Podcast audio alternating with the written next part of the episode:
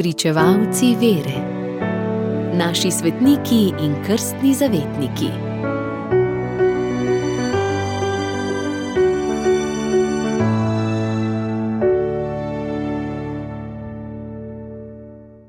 Današnji godovnjak, sveti Albert Veliki, je zapisal: Pojdi sam k Bogu, to ti bo pomagalo bolj, kakor če k njemu pošlješ vse svetnike, kar jih je v nebesih.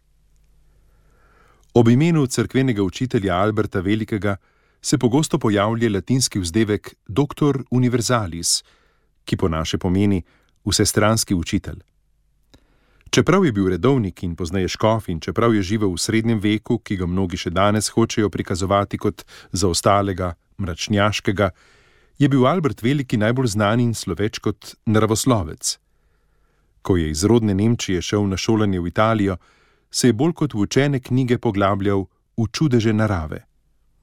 Poglobil se je vsa področja naravoznanstva: botaniko, zoologijo, medicino, fiziko, kemijo, geografijo, geologijo in astronomijo. S posebno vnemo se je posvečal biologiji, znanosti o živih bitjih in življenjskih pojavih. Poznal je rastline in živali, kakor nobeden njegovih sodobnikov.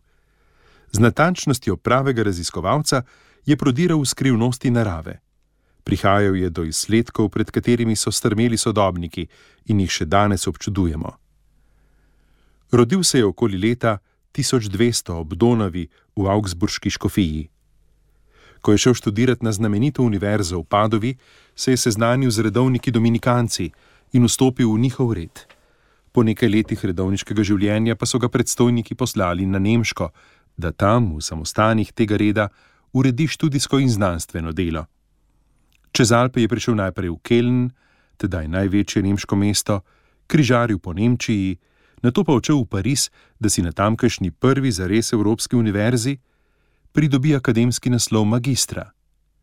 Nekaj časa je v Parizu tudi predaval, jeseni 1248. leta pa se je vrnil v Keln, kjer je ustanovil visoko šolo svojega reda, iz katere je pozneje zrasla Kelnska univerza.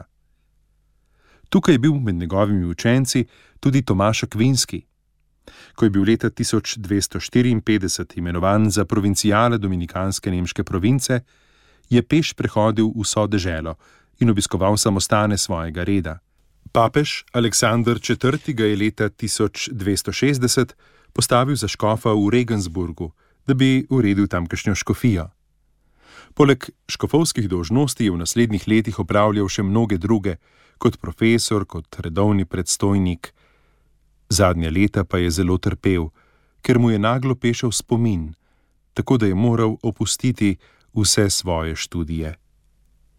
O Gospod, hotel bi, da bi bil človek po tvoji najljubši volji, je zapisal sveti Albert Veliki.